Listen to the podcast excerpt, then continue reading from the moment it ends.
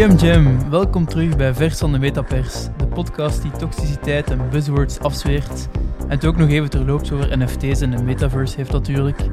Gilles, wat is de stand van ons potje? Zit er al veel in, uh, ons buzzword potje? Nee, ik denk dat we, dat we relatief braaf zijn geweest. Hè. We zijn relatief braaf geweest. Ja, inderdaad, het viel nog wel mee volgende week, maar we gaan er deze week terug op letten. Uh, dus we gaan voorlopig niet al te veel JPEGs kunnen kopen elke keer als we een buzzword zeggen, dan moet er dus uh, geld in de pot. En uh, misschien moeten we binnenkort zo'n uh, special effect of zo, een kaching of zo toevoegen.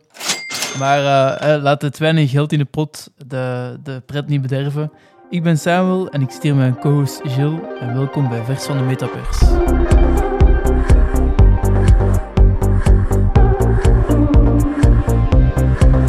Aflevering 2 volgt gelukkig al wat sneller op aflevering 1 dan het geld dat we voor aflevering 1 hebben laten vallen. We konden waarschijnlijk de hele balance sheet van Silicon Valley Banking kwijt. Maar we zijn hier terug en er is een derde hond in het spel. In het podcastspel namelijk. Uh, welkom Thomas. Hallo, hallo. Goedemorgen. Goedemorgen, goedemiddag. Uh, GM. Um, misschien uh, moet je eens voorstellen aan de luisteraars.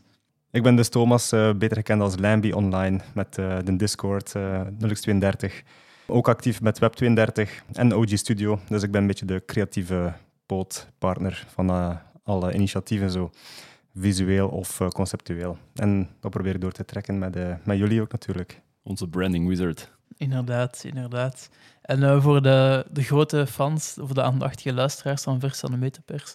Ik denk, Thomas, dat je in van de eerste afleveringen ook al eens aanwezig was. We hebben eens een yoga special gedaan toen Yuga Labs, dus de oprichters van de Board Apes, de CryptoPunks hadden gekocht. Ja, dat klopt. dat ehm, klopt. Dus uh, voilà, welkom, uh, welkom terug. Um, natuurlijk, als grote believers van decentralisatie uh, doen we dit ook progressief met de podcast. Hè. We willen progressief decentraliseren. Op dit moment zitten we nog maar zo'n beetje aan een Solana-niveau van decentralisatie. We zijn nu met drie hosts. In de toekomst gaan we volledig decentraal zijn. Dus voilà, genoeg gezever. Hè. Waarover gaan we het vandaag allemaal hebben? We gaan praten over bruggen over ticketing, over INS. We gaan nog eens over Amazon praten um, en eBay.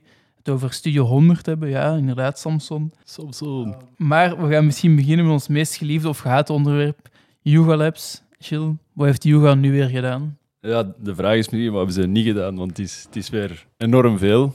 Het is, het is soms uh, zelfs moeilijk om te blijven volgen wat ze, wat ze allemaal lanceren. Maar dus heel veel bewogen deze, deze weken. We hebben de, de Other Side, de Second Trip gezien was, zag er heel cool uit. The Other Side is een metaverse gamewereld. Ja, ja, een metaverse gamewereld, waar ze eigenlijk een tweede test um, hebben gelanceerd waar mensen konden joinen en in de wereld van Other Side konden gaan kijken. Er waren 7200 mensen op, op aanwezig, dus je, moest een, je moet een Other Side token hebben, de Other Deed, om te mogen uh, joinen. Uh, en 7200 mensen hebben dat gedaan. Plus, plus dan waren er ook nog wat guests, want elke other side uh, tokenholder kon nog, nog iemand meepakken. En misschien even toe, het, het speciaal hieraan is dat die 7500 mensen of 200 mensen, dat mhm. die tegelijkertijd in die wereld waren. Ja. En dat is, um, dat is het moeilijke, want bijvoorbeeld in Fortnite zijn er ook al concerten gegeven waar duizenden mensen tegelijkertijd aanwezig waren, maar dat zijn eigenlijk allemaal aparte werelden en je zit dan maar met max 500 of, of 1000 misschien in, in een wereld. En als je dan de 1001ste wordt dan aangemaakt in een nieuwe wereld. Ja. Maar hier zaten dan die 7000 mensen in één ja, één wereld, één environment. En dat is wel uh, ja, technisch heel moeilijk en, en dat is het straffen dat ze doen. Ja, inderdaad. Nu, als ze daar ook wel de juiste partners voor hebben, die, uh, allee, Animoca Brands is, is een heel sterk uh, bedrijf. Maar inderdaad, het is zo normaal, normaal um, als je met zoveel mensen tegelijk in één omgeving inlogt, um, zeker zo'n zo visuele wereld, uh, zou er veel lijk moeten zijn. Uh, dus ja, dat hapert, maar en ze doen het vooral met Improbable IO, dat is het ding. Of Improbable Labs of zo. Dat is de, inderdaad, inderdaad. Dat is de speel die het technisch mogelijk maakt. Ja. ja. En ik was er nu niet bij, maar wat kon je er eigenlijk in doen? Ja, het was, het was zo een soort um, uh, quest dat er uh, gelanceerd was. Dus uh, je werd opgedeeld in vier teams, met telkens een team, teamleader. Dat was iemand die dan ook live commentaar gaf. En het was een soort game dat je tegen elkaar blobs. Dus zo, zo ja, waren ze wat... Ja, blobs. en die moest je uh, voeren aan, aan een of andere grote kikker, die dan opzwelde en dan een, een soort ding uitspuwde op, op een target. Dus een beetje de eindbaas allemaal samen verslaan of zo. Ja, exact. exact. dat was wel cool, want ja, de, de, het winnende team, die hun wallet zijn dan ook allemaal geregistreerd natuurlijk, omdat ze via die token inloggen. Uh, die krijgen ook allemaal een cadeautje geairdropt. Dus een soort helm met vleugeltjes. Ja, uh, Heb je er een? Nee, ik was, ik was er zelf niet bij. Ik was... Uh, ik had verplichtingen met de vrouw en helaas heb ik niet kunnen joinen. Maar ik had, het zag er wel cool uit. de videobeelden die ik gezien heb op Twitter.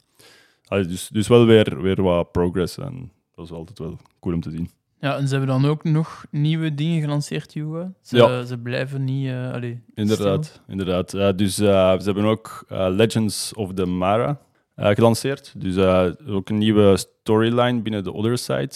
Dus de Other Side, die Other Deeds, dat zijn tokens eh, met telkens een stukje land waar, waar resources op zitten. Maar daar zit ook ehm, in een bepaald deel van die Other Deeds zit ook een wezentje, een coda eh, genaamd. Zo'n klein, klein eh, eh, figuurtje. En die krijgen nu... het eerste evenement gaat zijn dat je die wezentjes van eh, die token kunt afsplitsen. Dus dat je twee tokens krijgt. Eh, en de mensen die zo geen wezentje op hun land hebben, die kunnen dan ook een gelijkaardig wezentje, een, ehm, een Mara, uh, Koda Mara, minten. Zodat je eigenlijk iedereen een soort companion heeft voor de other side. Iedereen krijgt iets. Iedereen krijgt iets, iedereen gelukkig. nu, allee, de, er zi- zitten wel wat waardeverschillen in natuurlijk, maar, maar iedereen krijgt iets. Cool. En dat ging tot een 2D-strategy game leiden, of... Ja, dus ehm, dat is een storyline eigenlijk eh, van een game die, die ze gaan lanceren. Ehm, eh, eigenlijk een soort 2D strategy game. En van wat ik gelezen heb, eh, komt het heel hard overeen met Clash of Clans. Ehm, een heel populaire game een tijdje terug, online. Waar, ja, ik ken de precieze content van Clash of Clans ken ik niet echt meer, maar ik weet dat het heel verslavend was. Het is niet zo Age of Empires-achtig. Ja, zoiets. moet een beschaving bouwen of zoiets en dan de anderen aanvallen. Maar hier, ik, vind, ik vind het wel interessant, want het is zo... Ze, allee, we hebben dan ook Dookie Casual gehad, wat dan zo'n een runner game was. Ehm, en daar... daar ehm, Wou je iets zeggen, Thomas? Lambi? Doek- Dookie Dash was het. Ja, inderdaad. Dookie Dookie Dash, Dookie. Misschien hadden er wel een beetje cash mee verdiend, maar eh, ja, nee, het was, nee, ik ben niet zo'n goede gamer, dus eh, bij mij was dat niet zoveel, niet zo'n succesverhaal. Bij u Maar- was Dash. Da- bij mij was het Dash. maar ik vind, ik vind het cool, allee, het begint zo duidelijk te worden wat ze hier aan het doen zijn, is, is ehm, heel verslavende spelletjes in, in eigenlijk storylines wikkelen die, die rond Other Side en, en het Yuga-ecosysteem draaien. Ik vind dat wel een coole, coole strategie hier. Ja, inderdaad. En die, ehm, zo de Daniel Allegre, dat wordt nu de nieuwe CEO van Yuga Labs. Ehm, die was vroeger CEO bij Activision, ook een grote Ja. game developer.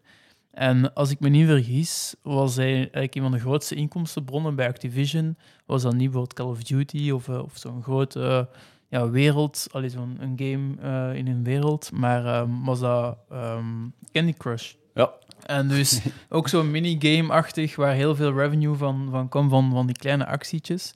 En dus ja, die Dookie Dash en, en nu dat 2D-strategy-spel, dat heeft meer en meer ook die, ehm, eerder die richting. En, en Ja. dus ja, iedereen was altijd be- bezig over die eh, other side en ze gaan daar game-economieën doen en bla bla bla. Maar het, is- ja, het is wel interessant dat ze nu ook die andere ehm, minigame-pisten aan, het, eh, aan het exploreren zijn.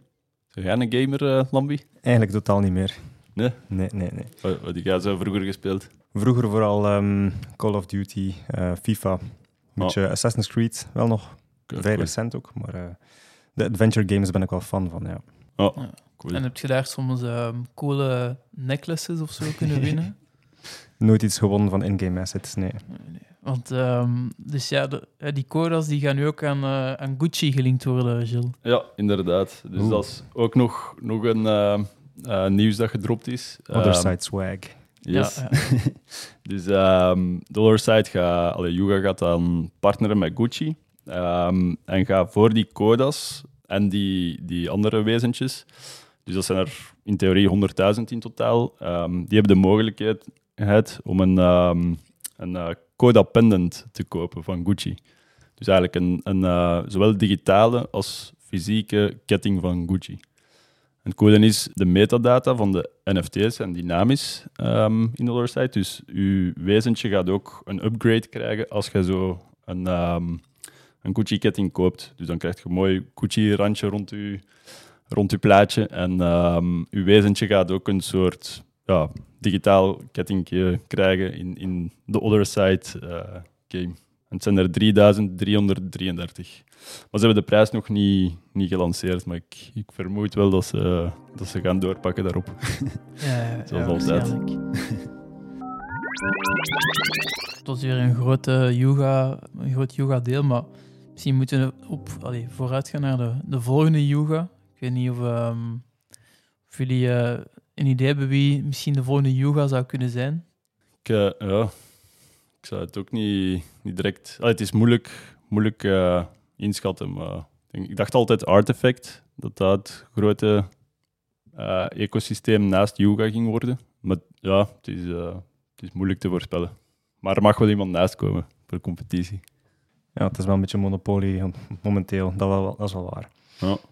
Maar volgende yoga, geen idee. Not financial advice, eh, zou ik zeggen, maar... eh, Ja, ze zeggen, of, eh, of toch een interessant figuur of een interessant bedrijf aan het opkomen is, ehm, is de D-Gods ehm, beweging, hè, met, allee, collectie van eh, Frank, Ja. eh, die met D-Labs en eh, zijn bedrijfje twee collecties, eh, vooral eerst op Solana heeft gelanceerd, de, de Youths en de D-Gods. Ja. En die nu plots, na het hele ja, Solana en FTX-debakkelen, heeft beslist om, om de stap te maken van weg van Solana naar Ethereum en naar Polygon. En dus dat is vorige week gebeurd. Hè. Daar zijn ehm, de Youth-collectie, dat is een beetje de, de grotere PFP-collectie, die is naar eh, Polygon gegaan. En de, de D-Gods-collectie, die zijn dan naar, ehm, die zijn naar Ethereum gegaan. Dat is meer het, de premium-collectie. En ik denk dat die rond de 8 Ethereum eh, traden en de Youths treden ondertussen rond de 2. Maar het was wel interessant om te zien hoe die dan van die Solana-collectie, alleen van de Solana-blockchain, ja, naar een andere blockchain en dan Polygon en Ethereum, eh, de ecosysteem gegaan eh, zijn. Dus eh, ja, ik weet niet of jullie al, eh, al een Youths hebben gekocht of eh, bekeken of eh, wat jullie er, ervan denken. Nee, nee, ik heb, eh, ik heb aan gewaagd. Ik vond het in het begin niet zo speciaal eigenlijk. Ik ga vooral eh, af op eh, de graphics dan, of de stijl waarin dat getekend is of Mhm. ontworpen is. Het sprak mij in de tijd niet per se aan, dus heb ik er ook niet, niets mee gedaan.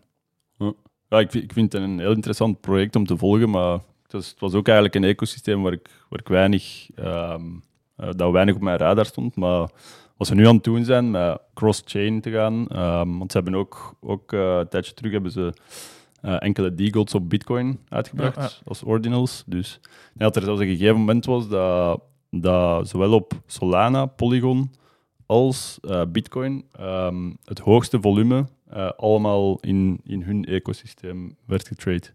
Ja, dat Dus, zou, zou zeker kunnen. Dus dat is wel straffe, straffe dingen. Het ding is ook dat we niet echt weten wat er allemaal op eh, Solana gebeurt als eh, allee, wij eh, meestal op eh, Ethereum-netwerken bezig zijn. Exact. Dus dat is dan wel ja, straf dat die alle chains een beetje eh, weet eh, te overbruggen of eh, een impact heeft op alle chains. Nee, maar, dus, eh, ze gaan wel weg van Solana, of ze zijn daar weg. Ehm, dus in, als je de, de oversteek wou maken, als je de bridge wou doen, dus vanuit de bruggen, moest je je NFT op Solana vernietigen, burnen. Ja. En kon je dan NFT op Polygon of op, eh, op Ethereum dan claimen.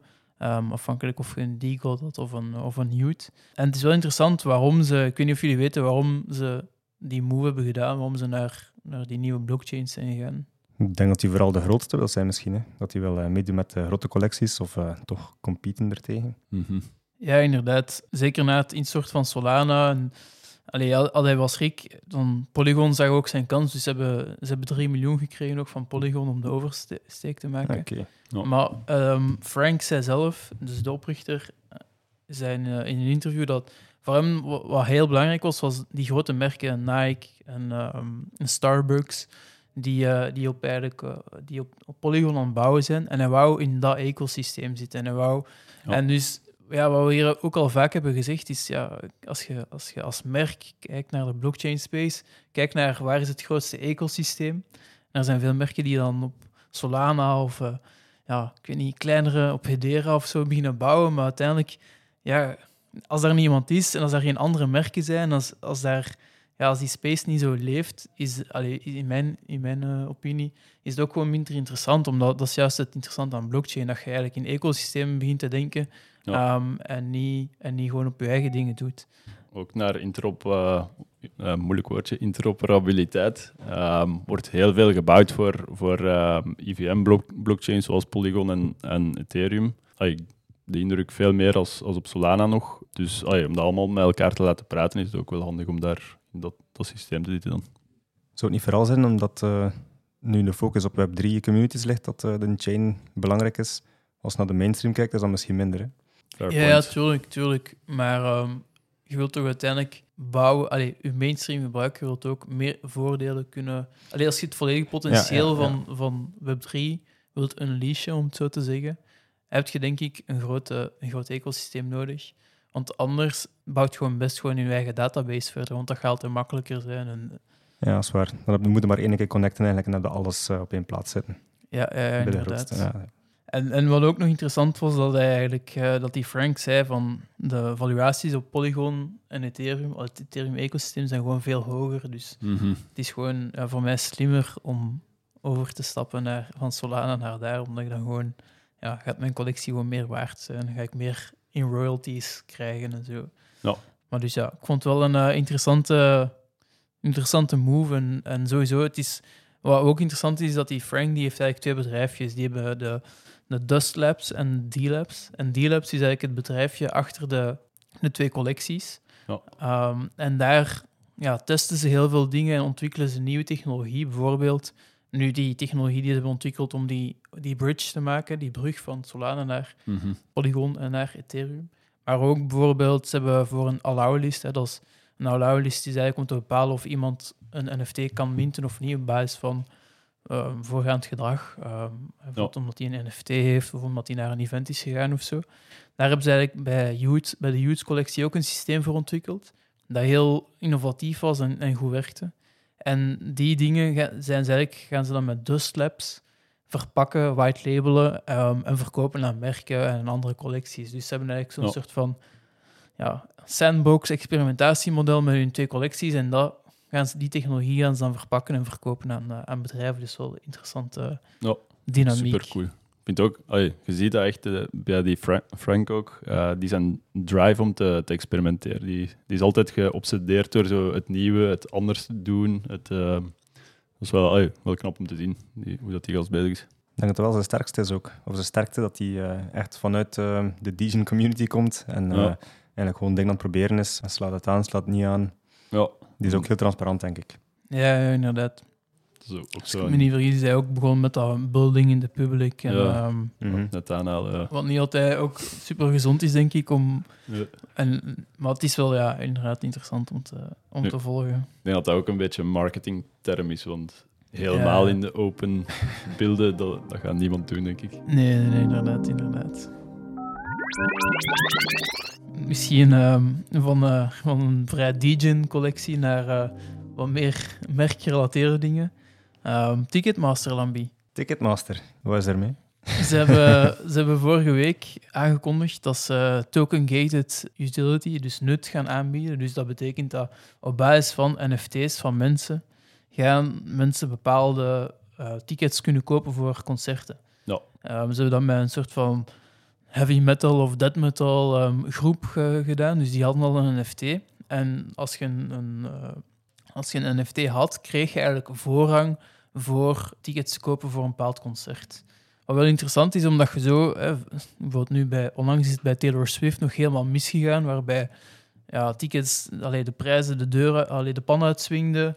Ehm, op de tweedehandsmarkt, ja, een paar mensen die er heel voorbij waren, maar niet per se fan waren, er heel veel geld aan verdienden.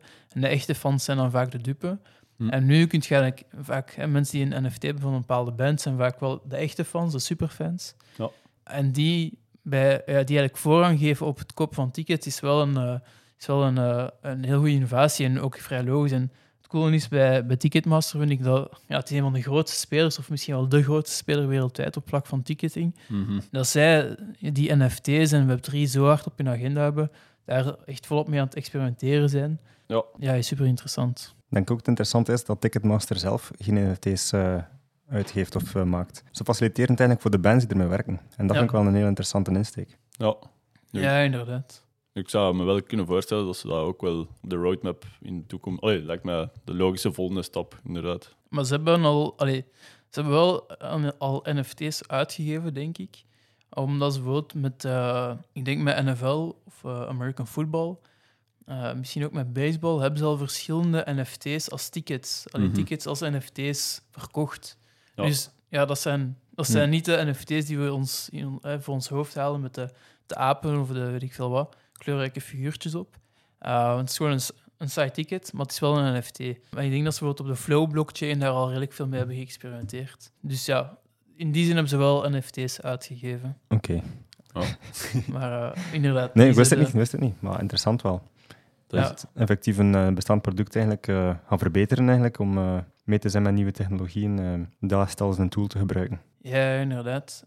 En zo misschien wel ja, de grote... Allee, voor een grote ja, onboarding eh, zorgen bij gebruikers en mensen. Ik ben er zeker van dat binnen drie, vier jaar veel mensen al NFT's gaan bezitten, maar ze het niet weten. En dat het dan dat type tickets zijn. Of vliegtuigtickets bijvoorbeeld. Er is nu ook een, Ameri- een Argentijnse vliegtuigmaatschappij, Flybondi, die met NFT's als tickets hebben ge- geëxperimenteerd. Dus als je een, een ticket koopt voor een, voor een vlucht, Mhm. koppelen ze daar eigenlijk een, eh, een NFT aan. Dus ja, het is interessant om te zien dat airlines en, en, en, concert- en, of eventorganisatoren daar volop eh, mee bezig zijn. Dat is ook een goede manier om je loyalty er ook aan te koppelen dan. In het, eh, Ja, inderdaad. Als basis te gebruiken. Ja, inderdaad. Je kunt daar... allee, dat, is, dat is het voordeel van... Alleen een, een normaal ticket is eigenlijk een dom ding uiteindelijk. Hè. Dat is gewoon... Ja, dat is gewoon Een PDF. Een PDF, ja. kunt- maar als je daar een NFT allee, van maakt, dan kun je er eigenlijk programmeerbaar nut op, eh, op loslaten. Dan kun je Ja. ermee doen wat je wilt in de toekomst. En ja, dat kan de basis zijn voor een, voor een loyalty-programma, voor, ja, voor van alles. En wat was het eh, specifieke geval in, eh, van de Flybondi? Wat was daar eh, die utility van? Of ehm, waarom precies hebben ze daar een NFT van gemaakt?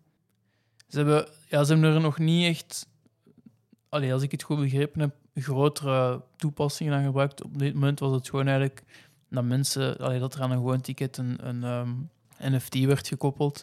Dat in die mensen hun, hun wallet komt. En dat ze daar misschien in de toekomst eh, bepaalde acties mee konden doen. Maar ja, het was eerder een experiment, maar wel... eh, Beetje eigenlijk eh, de nieuwe cookie. Van, je bent bij ons geweest, hier een token eigenlijk, en dan Ja. utility achteraf aan verder breien. ja, ja, inderdaad, inderdaad.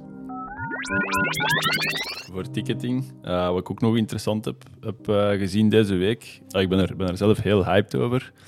Eh, het, is nog, het is nog allemaal redelijk nieuw en, en de echte toepassingen zijn, zijn, zijn nog uit te denken. Maar ENS, die, die gaan hun ENS Name Wrapper lanceren. En dat gaat het mogelijk maken eigenlijk om, om eh, subdomains eh, effectief als token te, te hebben. Misschien, ehm vooral eer we ons potje niet eh rijkelijk kunnen vullen. Nu even uitleggen, wat zijn INS, Gilles, en, Ja. en subdomains? Misschien moet je dat ook kiezen voor de luisteraars. Ik denk dat ik eh, een paar eh, een beetje te goed in het potje heb te leggen. Dus. Disclaimer, Gilles is een INS Maxi. Ja, sowieso. sowieso.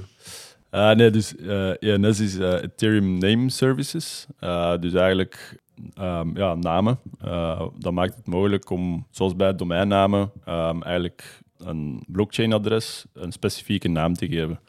Dus eh, allee, een blockchain-adres ziet er nu typisch eh, uit met 0x en dan een hele string van lettertjes en cijfertjes door elkaar. Met die ENS, met dat ENS-protocol kun je daar, kun je daar ehm, Samuel.eth van maken of, of Lambi.eth. En is dat een mooiere manier om, om blockchain te structureren. Ja, en ook ja, makkelijker. Als ik bijvoorbeeld iets naar u wil sturen, geld of een NFT of Ja. zo, dan, dan moet ik niet naar uw complex adres iets sturen, maar kan ik naar Gilles.it bijvoorbeeld, stel dat je die INS zou hebben sturen. Ja. Ehm, en ook naar veiligheid toe, als een, als een merk bijvoorbeeld. hè, AB InBev heeft ehm Beer.it gekocht. Dus als een merk met NFT's bezig is, kan je, je kunt altijd zien van als je een NFT krijgt van waar komt die? Ja. Ehm, is het van een scammer of is het een, eh, is het een echte? En, en, en dus ja, als je die 42 letters en cijfers moet, moet checken, is Ja. het heel makkelijk om als scammer om, om, eh, om daar misbruik van te maken van die complexiteit. Terwijl als je ziet, ah nee, het komt van bier.it, ja, Dan kun je heel makkelijk weten, oké, het is legit, ik kan het vertrouwen. Ja, Beste vergelijking met de IP-adres en eh, webdomein dan. Ja, eigenlijk, eigenlijk daar de Web3-versie van, inderdaad. En ah, het, is, het is een protocol dat, dat heel veel geïntegreerd wordt, dus ah, het, is, het is echt al overal geïmplementeerd. En nu is eigenlijk het nieuwe dat ze... ehm, De subdomains, dat bestond eigenlijk al. Dus bijvoorbeeld, je hebt inderdaad beer.eat. Ehm, ik denk dat InBev dat zelfs ook al aan het doen is. Al hun biermerken, dot, bier.eat. Om zo eigenlijk subdomains te maken. En nu door die name wrapper is het mogelijk om daar dus ook aparte tokens van te maken. Er zitten van alle controlemechanismen achter, eh, waardoor je daar eigenlijk heel custom met die vertrouwde smart contracts van dat protocol ja, systemen mee kunt opzetten. Dus subdomains kan, kan ook oneindig ver gaan. En wat kun je daar dan mee doen? Maak dat, kun je iets Dus, concreet ja, maken? Of, Om naar de ticketing dan te gaan, eh, zou je dus kunnen zeggen dus festival.eat, uw festivalnaam, en dan subdomains maken voor alle mensen die eh, naar het festival een ticket kopen. Maar je zou dan ook nog een subdomein verder kunnen gaan en dan bepaalde segmentaties van je, van uw publiek maken, dus VIPs of niet-VIPs. ehm. en zo zou je eigenlijk een hele structuur makkelijk met, eh, met dat protocol kunnen opzetten, waardoor de systemen die dat ENS-protocol uitlezen ook direct die programmeerbaarheid van, van die verschillende dingen zien en ja, want, bepaalde dingen kunnen laten unlocken. Want op dit moment heeft een, een eh, als ik het goed begrijp, toch een ENS-naam die geregistreerd is, wel een NFT, maar dat heeft niet alle functionaliteit van een NFT. En door die wrapper zou dat wel zo zijn. Kun Ja. je die wel gebruiken, of makkelijker gebruiken in, in die programmeerbaarheid. En wat jij dus nu zegt, is dat je dan bijvoorbeeld kunt zeggen, als festival doe ik een ticket, gilles.rockwerchter.eth Ja, of .it, hè, dat is dan mijn, dat is, dat is uw ticket. Of gilles.vip.rockwerchter.eth. ja Dat is dan voor alle mensen die een VIP-ticket hebben en die Gilles heten. Exact. Ja. Ja. En die tickets die zouden dan ook, allee, je, je kunt dan ook expiry gemakkelijk opzetten. Dus eh, dat die bijvoorbeeld na een dag vervallen. Of je zou ehm, kunnen zeggen dat ze transferable zijn. Je wilt VIP-tickets eh, mensen die onderling laten verspreiden onder elkaar of verdelen. Dus allee, dat zijn al die, met dat protocol zou je al die logica makkelijk zelf kunnen opzetten in eigenlijk een, een vertrouwd protocol, zonder dat je dat custom helemaal moet bouwen. Dus dat is een beetje de belofte. Ik zie er eigenlijk ook veel eh, mogelijkheden voor bedrijven die eh, personeel zo willen eh, Ja, een, elk een wallet of elk een eh, walletadres geven of zo. exact. Ja. En ook het coole van ENS is, die hebben ook redelijk qua records dat je kunt in smart contract linken. En zo zou je eigenlijk ook naar be- bepaalde afbeeldingen kunnen verwijzen of naar een website kunnen verwijzen. Dus eigenlijk zou je via subdomains ook websites kunnen beginnen verkopen of subdomains, eh, subwebsites. Allee, het, is, het is, moet nog heel veel over nagedacht worden van wat exact coole toepassingen gaan zijn, maar allee, intuïtief denk ik dat er heel, heel veel zijn. Ja, sowieso. Ja, interessant. En dan eh, had hier ook nog lensprotocol eh, opgeschreven.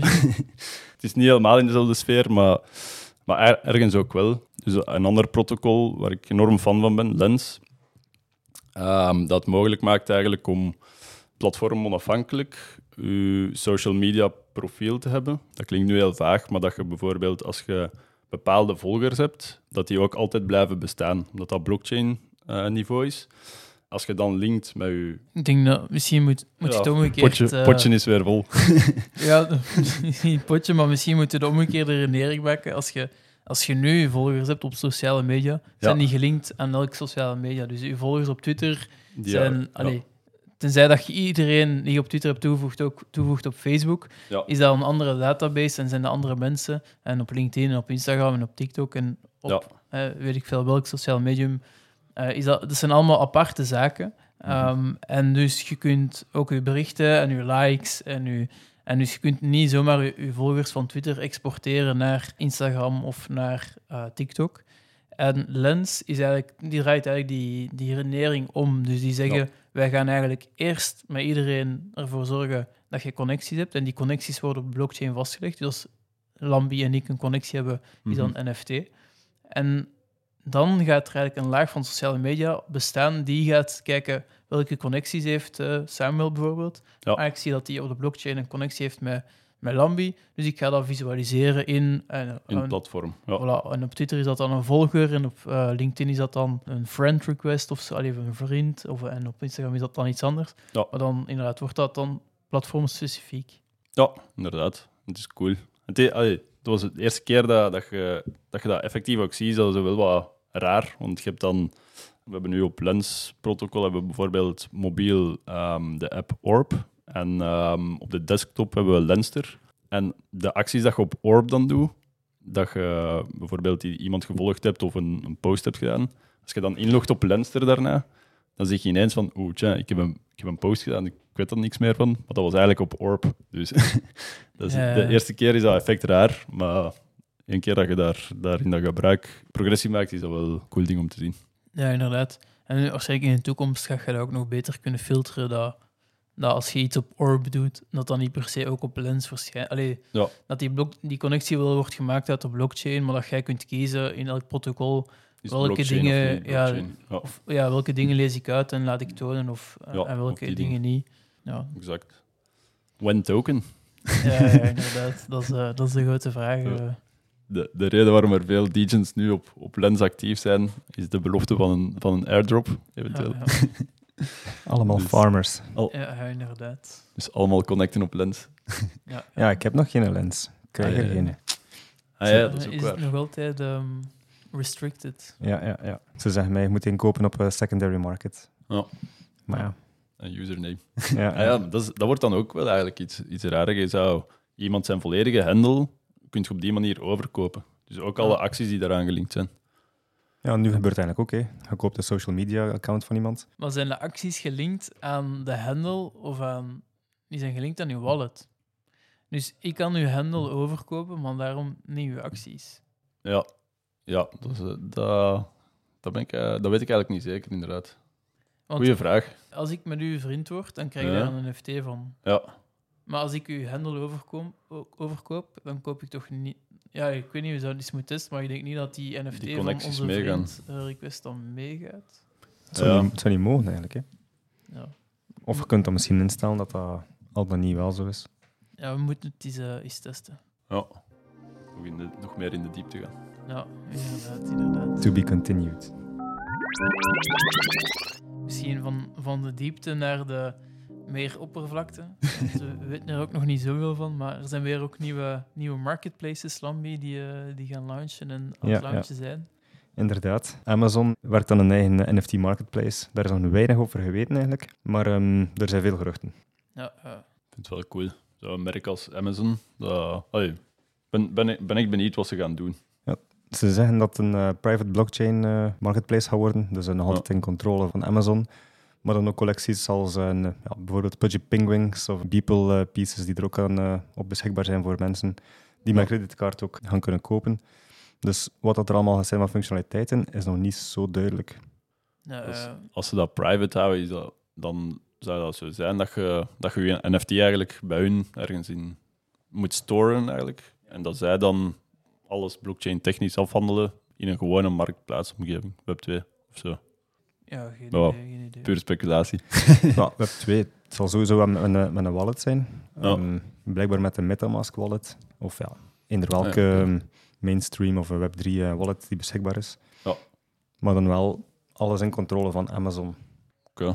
Ja, ja, wat ik wel interessant vind is, er zijn al veel bedrijven die hebben geprobeerd om een marktplaats te lanceren. Mhm. En ehm, er is al veel kritiek gekomen bijvoorbeeld op OpenSea van eh, UX is slecht of de klantendienst is niet responsief of ci en la. Maar uiteindelijk zijn er al is bijna geen enkele poging om een marktplaats of een concurrent voor OpenSea te lanceren gelukt. Coinbase heeft geprobeerd, Mhm. is helemaal gefaald. We hebben ook veel van die de gewone concurrenten, behalve Blur misschien, maar dat is misschien, daar komen we zometeen nog op terug, denk ik. Die, die hebben het ook allemaal geprobeerd en zijn ook niet super succesvol geworden. En dus de vraag is nu of ja, hoe gaat Amazon het doen en Mhm. gaan ze het, gaat het succesvol zijn? Gaat het voor heel veel nieuwe mensen zorgen of niet? Want ja, dat is dan ook, als de space moet groeien, dan heb je nieuwe mensen nodig en niet gewoon Mhm. dezelfde mensen die aan elkaar blijven verkopen. Misschien komen ze ook met nieuwe producten op een uh, marktplaats. Dat niet alleen collectibles zijn, maar ook echt van de merken die ze verkopen op een gewone e-commerce site. Daar digitale functionaliteiten van. Of misschien ja, memberships. memberships of je garantie dat je hebt bij producten die dan ook wel eens NFT zijn. Geen ja, idee. inderdaad. Er waren, veel, uh, er waren ook geruchten rond dat het een soort van um, ja, digitaal uh, kassa-ticketje zou zijn. Of, allee, dat het op de, als je Mhm. oortjes koopt op Amazon, dat, dat daar, als je dat dan koopt, dat daar dan een NFT van wordt gemaakt en zo. Die je in de, in de other side kunt gebruiken dan, je oortjes. ja, ja, dat is nog een ander soort oortjes, denk ik. Bijvoorbeeld eBay is ook al eigenlijk eh, actief in de marketplace space. Die hebben Known Origin opgekocht, maar die werkt eigenlijk nog altijd zoals dat die ervoor werkte. Dus die weten waarschijnlijk nog niet exact wat ze ermee gaan doen of hoe ze dat gaan veranderen. Maar Known Origin is nu al, eh, ja, je kent ook van eh X-copies en eh, edities in 2020, Ja. overgekocht door eBay. Ja, dat is inderdaad... allee, er bestaan veel Web2 marketplaces, hè, dus de vraag is inderdaad, hoe gaan ze dat integreren? En ja, de Amazon case zal, zal waarschijnlijk een soort van... Ja, als het lukt, zal het zeker een playbook worden. En als het niet lukt, zal, zullen er veel learnings zijn. Ja. Want OpenSea heeft, heeft nu ook, eh, dat is dan de Web3 native marketplace, heeft nu ook iets nieuws gelanceerd. Ja, ze hebben, hun, ja, ze hebben al een tijdje geleden hebben ze Gem overgekocht. Dus uh, dat was een, een uh, marketplace aggregator. Uh, en die hebben ze nu naar OpenSea Pro ge, hernoemd. En daar zit een Belgisch kantje aan. Ja, inderdaad. De, de Lorenz. Oprichter of eh, mede-oprichter van eh, Gem was inderdaad eh, een Belg. Ja. Ja, eh, Is een Belg. Dus, uh, nog, nog altijd. Nog altijd, nog ja. altijd. Straf ondernemersverhaal. Want, uh, ik denk dat ze zes maanden operationeel waren. En um, echt naar een, een, serieus volume van OpenSea gegroeid waren. Ik denk, ik denk tot de 20% of zoiets op een gegeven moment van alle volume van OpenSea ging door, door Gem. Dus die hebben redelijk snel gehandeld en, en voor een mooie som uh, Gem overgekocht. Ja, want Dat is nu Pro. eh, wat Gem nu deed, is die op OpenSea kun je NFT's kopen, maar ook op Known Origin en op andere marktplaatsen. En Gem die ging dan eigenlijk Ja. kijken van, oké, die ene NFT is op verschillende marktplaatsen te koop, wat is nu de goedkoopste? Of, en zo ja, zorgde voor een efficiënter proces. En toen kreeg OpenSea concurrentie van Blur, een nieuwe marktplaats was die trading heel hard incentivized en, Ja. en uh, vergemakkelijkte. Ook een ook- aggregator een beetje. hè. Ook een aggregator, inderdaad.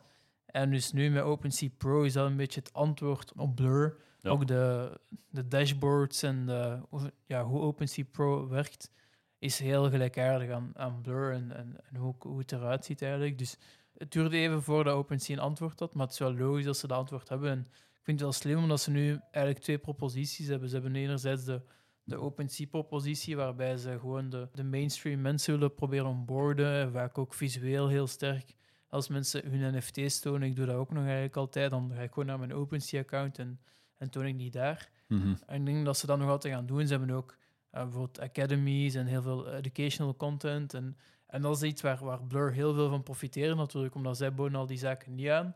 OpenSea deed dat wel, maar zij pakten wel het volume weg. En nu heeft OpenSea dan een soort van, ja, ook een, een propositie voor die traders, voor die mensen die heel veel, ja, dag in dag uit NFT's verhandelden. En, en kunnen zij ja, terug, dat, terug proberen traffic van Blur te halen. Ik zie eigenlijk misschien OpenSea zelfs als een soort Web3 social media platform, waar dat je uh, eigen NFT's etaleert. Want ik hou er ook altijd naartoe om uh, die te tonen. Zelfs in uh, de Superrare Discord worden er links gepost van werken die dan eigenlijk van OpenSea zijn. Dus die hebben dat waarschijnlijk ook niet graag, maar het is wel een realiteit dat dat ja, nog altijd de top-of-mind uh, marktplaats is. Ja. Of verzameling van je eigen tokens. Ja, dat is Ja, inderdaad. nog veel progressie mogelijk voor UX en UI uh, vooral. Maar inderdaad, ik zie, ik zie OpenSea ook als uh, een beetje de main galerij eigenlijk. Dat is de link die je doorstuurt als je, als Ja, het is dat, het is dat. Of de search function. Mm -hmm. En ja, de traders of de flippers, ja, we kunnen er niet naast kijken, die zijn er wel natuurlijk. Ja, maar die zitten allemaal op pro nu dan. Ja. ik ben er zelf geen echte fan van. Ik koop om bij te houden natuurlijk. Maar ja, er zijn natuurlijk wel mensen die daarmee bezig zijn om ja, die, die punten te scoren ook op Blur en uh, de, Ja. de airdrop te farmen. Ja, inderdaad. Want als, als je nu heel actief bent op Blur, dan krijg je Blur-punten. En die, die punten, die zouden dan, we weten dat natuurlijk niet, maar die zouden dan je recht geven op tokens van Blur, waar de- die je dan ja, kunt verkopen of bijhouden, maar die dan redelijk wat geld waard zouden kunnen zijn. Er zijn heel veel mensen die gewoon, zelfs met een verlies, NFT's kopen en verkopen. Ja. Ehm, omdat ze zo meer punten krijgen en, en omdat ze dan eigenlijk hopen dat, dat hun uiteindelijke verlies gecompenseerd gaat worden door de airdrop die ze krijgen. En als, ik denk dat ik me niet vergis, maar die, de persoon met de meeste punten is die Machi Big Brother. Ja. En die zou al voor een verlies van 4600 Ethereum hebben. dus, dus die gaat wel heel veel punten moeten krijgen om, Om dat dat goed te te kunnen maken. compenseren. Ik weet niet goed wat zijn plan is. Ja, heeft hij een plan? Maar er, er komt wel veel kritiek natuurlijk, hè, omdat eh, ze zeggen ook, ja, het maakt de markt kapot. Ehm, veel collecties ja, worden nu... Allee, er is heel veel ja, artificieel volume, dus je Ja. kunt moeilijk weten van... Is die collectie... Ja, je kunt sowieso moeilijk weten hoeveel een collectie waard is, maar nu zeker niet, omdat er wordt gewoon Avalon tegen trade voor die, voor die punten. Ja, Blur haalt eigenlijk een beetje de non weg uit de non-fungible token. Ja, Voor de eh, traders is het eigenlijk, elke token van een collectie is gelijk aan de andere. Ja. Terwijl dat voor een verzamelaar ja, veel meer eh, gaat kiezen welke een dat hij wilt. Ja, inderdaad. inderdaad. De, de aesthetics eh, tellen niet meer. Ja. En ehm, het gaat puur over de ID, alleen voor de collectie. En ik ben ook benieuwd of, of OpenSea met OpenSea Pro dan gaat kijken van... Blur op dit moment wordt heel veel gebruikt door 10 of, of 20 traders die dan bijna al het volume draaien op Blur. Terwijl, zou op, ik vraag me af of OpenSea, of die voor het meer de... Er zijn ook kleinere traders hè, die misschien maandelijks of wekelijks een klein beetje traden, maar daar zijn er inmiddels heel veel van. Ik vraag me af of, of OpenSea misschien meer die mensen gaat benaderen, omdat die ook ja, op langere termijn gaan die langer blijven. Hè. Die, die matchy Big Brother, vanaf dat die incentives op, op Blur weg zijn, gaat die daarmee stoppen. En dat is, dat is nu Ja. heel korte termijn, heel artificieel. Dus ik ben ook wel benieuwd of, of OpenSea Pro die matchy Big Brothers wilt aantrekken, of eerder de kleinere, lange termijn eh, tr- traders die zo voor hun plezier een beetje flippen en zo. Ja, ja, goede vraag. Ik denk dat OpenSea wel meer eh, de lange termijn visie heeft. Ja, dat die toch wel een plan hebben voor de komende paar jaar. En dat is ook wel voor iedereen een oplossing willen bieden, zoals die flippers of die, eh, ja, die traders, dat die dan die pro-functionaliteit lanceren. Ze hadden nu ook een, een NFT gelanceerd. Dus ik denk 180.000 NFT's voor alle eh, adressen die al eens actief zijn geweest op, op Gem. En da, daarmee trekt je, allee, dat, is, dat is ook een beetje een, een soort van een reward, maar je trekt het dan veel meer gelijk in plaats van dat je met fungible tokens zou eh, werken met, op basis van volumes of zo. Nu is het eh, gewoon eigenlijk geduide mensen aan die op Gem early waren en iedereen gelijk voor, voor die NFT. Ja, eh, ja inderdaad. Dus dat is, dat is misschien wel een stap dat in die richting al wijst. Om af te sluiten, we zijn het al, er was, dat een, er was een Belgisch kantje aan, eh, aan OpenSea en uh, allee, OpenSea Pro dan vooral. Maar eh, er, er is nog wat gebeurd in België, afgelopen, afgelopen week was het zeker. Hè? Studio 100 is met NFT's gekomen, Lambi. Heb jij, heb jij erin gekocht? Of zit jij... Ik heb er geen gekocht, nee. Eh, Ik heb me wel aangemeld op de wachtlijst of ingeschreven op eh, de website, maar ik heb er geen eh, kunnen kopen. Ik zou Ja. ook niet weten wat ik er moet mee doen. Ik heb geen, eh, geen fanbase thuis die eh, er staat op te wachten. Ja, eh, jij nu gekocht zijn wel? Guilty Pleasure Samsung van? Ehm, ja, ik, geen uh, stiekem Samsung fan of, of, of niet meer dan iemand een anders, uitgesproken fan dan. ook niet uitgesproken, maar eh, ja, ik heb er wel een gekocht omdat ik het eens wou testen. Allee, een van de eerste grotere Belgische bedrijven die, die eh, publiek mee, mee experimenteren. Dus eh, het is de Studio 100 Magic Circle. Dat het, eh, het is eigenlijk een soort van membership. En als je een, een membership, member NFT hebt eigenlijk van, van die Studio 100, krijg je ja, tal van voordelen, zoals, denk je aan de voordelen, is bijvoorbeeld eh 20% korting op hun webshop, of ehm uitnodiging naar, eh, voor ehm, het, eh, de Red Star Line musical, om daar behind the scenes ook ehm, eens een kijkje te gaan nemen. En, en ze willen eigenlijk ja, de, de 100, of in dit geval dan de 250 superfans verzamelen en die daar ja, die allemaal unieke ervaringen en, en een voordeel geven die een traditioneel membership-programma ook, eh, ook biedt. Of, of, ja. Ja, super. En zijn die al bekend, al die voordelen of die eh, mogelijke acties dat je kunt ondernemen? ja, er zijn er Zo. nu drie bekend, denk ik. In- ik denk dat er in totaal 25 gaan zijn. En nu zijn er drie bekend, waaronder dus die 20% korting. Dat van de, de Red Star Line musical. Ja, dan was er nog één, die ben ik, eh, die ben ik kwijt. Maar dus er zijn er nu al een paar bekend. En dus ja, in de toekomst zal, zal, zal, zal de rest wel ehm vooruit rollen. Hè? Allee, uitrollen. Ja. Ja, wel interessant, ja. Zijn ze uitverkocht? Ik, eh, ik dacht dat ze uitverkocht waren, of toch bijna al sinds. Ja. Oké, nice. Het was, Oh. eh, het was ook een, een heel gebruiksvriendelijke proces. Je had geen crypto nodig. Het was dan via de andere Belgisch bedrijf Fenly. Alleen Fenly en Site Manager hebben eh, ervoor gezorgd dat ja, voor de traditionele persoon Makkelijk een makkelijk proces was. Je- er werd een wallet voor je aangemaakt. Je kon gewoon met normaal geld betalen. Ja, en, goeie. en voilà. En konden ook met crypto betalen? Of was dat geen optie? Ik denk het niet, maar ehm, dat ben ik vergeten. Maar ik denk niet dat je met crypto kon betalen. nee. Right. Ja, goede goede case. En, eh, Goeie Ja. met 2,5 case. Kun je Ja, een plezoon meebrengen naar die musical? ja, ook goede vraag. Dan, dan moet ik Teamuitstap. Dan moet ik eens kijken, inderdaad, of ik, eh, of ik iedereen hier kan uitnodigen. Maar ja, we, we, nodigen het, eh, of we moedigen het sowieso aan. Oh. Dus, ehm, ja, zeker. voilà. Ik weet niet of er nog iets, eh, nog iets is dat jullie kwijt willen zijn hier aan het eind van onze, van onze episode. Ik denk, go- goede episode. Dus oh, ik denk, voor mij, voor mij kan het niet meer. Nog een nieuwtje, Lampie. Eh, NFT van de week. Collectie die in de, in de Die, die zouden we eigenlijk nog moeten terugbrengen. Hè. Die, NFT van de week. Ja, de dat kan. NFT van de week. Je kunt er een lossen. En, eh, mis- misschien een poll voor de luisteraar. Of dat de NFT van de week eh, terug moet komen. Zijn er bepaalde criteria die, die moeten voldaan worden? Alles mag. Alles mag. Ja, ik heb wel iets gezien die, dat ik wel mooi vond. Op Artblocks, Cargo, van Kim Essendorf. Ja, een generatieve collectie van 1000, dacht ik. Dat is eigenlijk een pixel-style, een beetje glitch art. Die je eigenlijk aanpast aan het scherm waarop dat je het toont. Dus er is nooit een Nice. bepaalde resolutie dat je moet aan voldoen. Door de code van het merk eigenlijk wordt dat altijd op het scherm dat staat mooi getoond. Is dat een klein Nice. scherm, is dat heel groot. Het zal altijd eh, in beweging zijn en eh, zich aanpassen. Dus dat vond ik wel een cool, ja. ja, ja, Dat is coole shit. ja, inderdaad. Ik moet er altijd bij zeggen, not financial. Ja, ik heb er zelf geen gekocht, dus Ah, eh, oké. Ik heb sowieso geen, geen voordeel dat ik het promoot, maar ik vind het wel cool. Ja. Voilà. Bij deze dan eh gaan we eruit. En ik zou zeggen, tot, eh, tot de volgende. Yes, ciao ciao.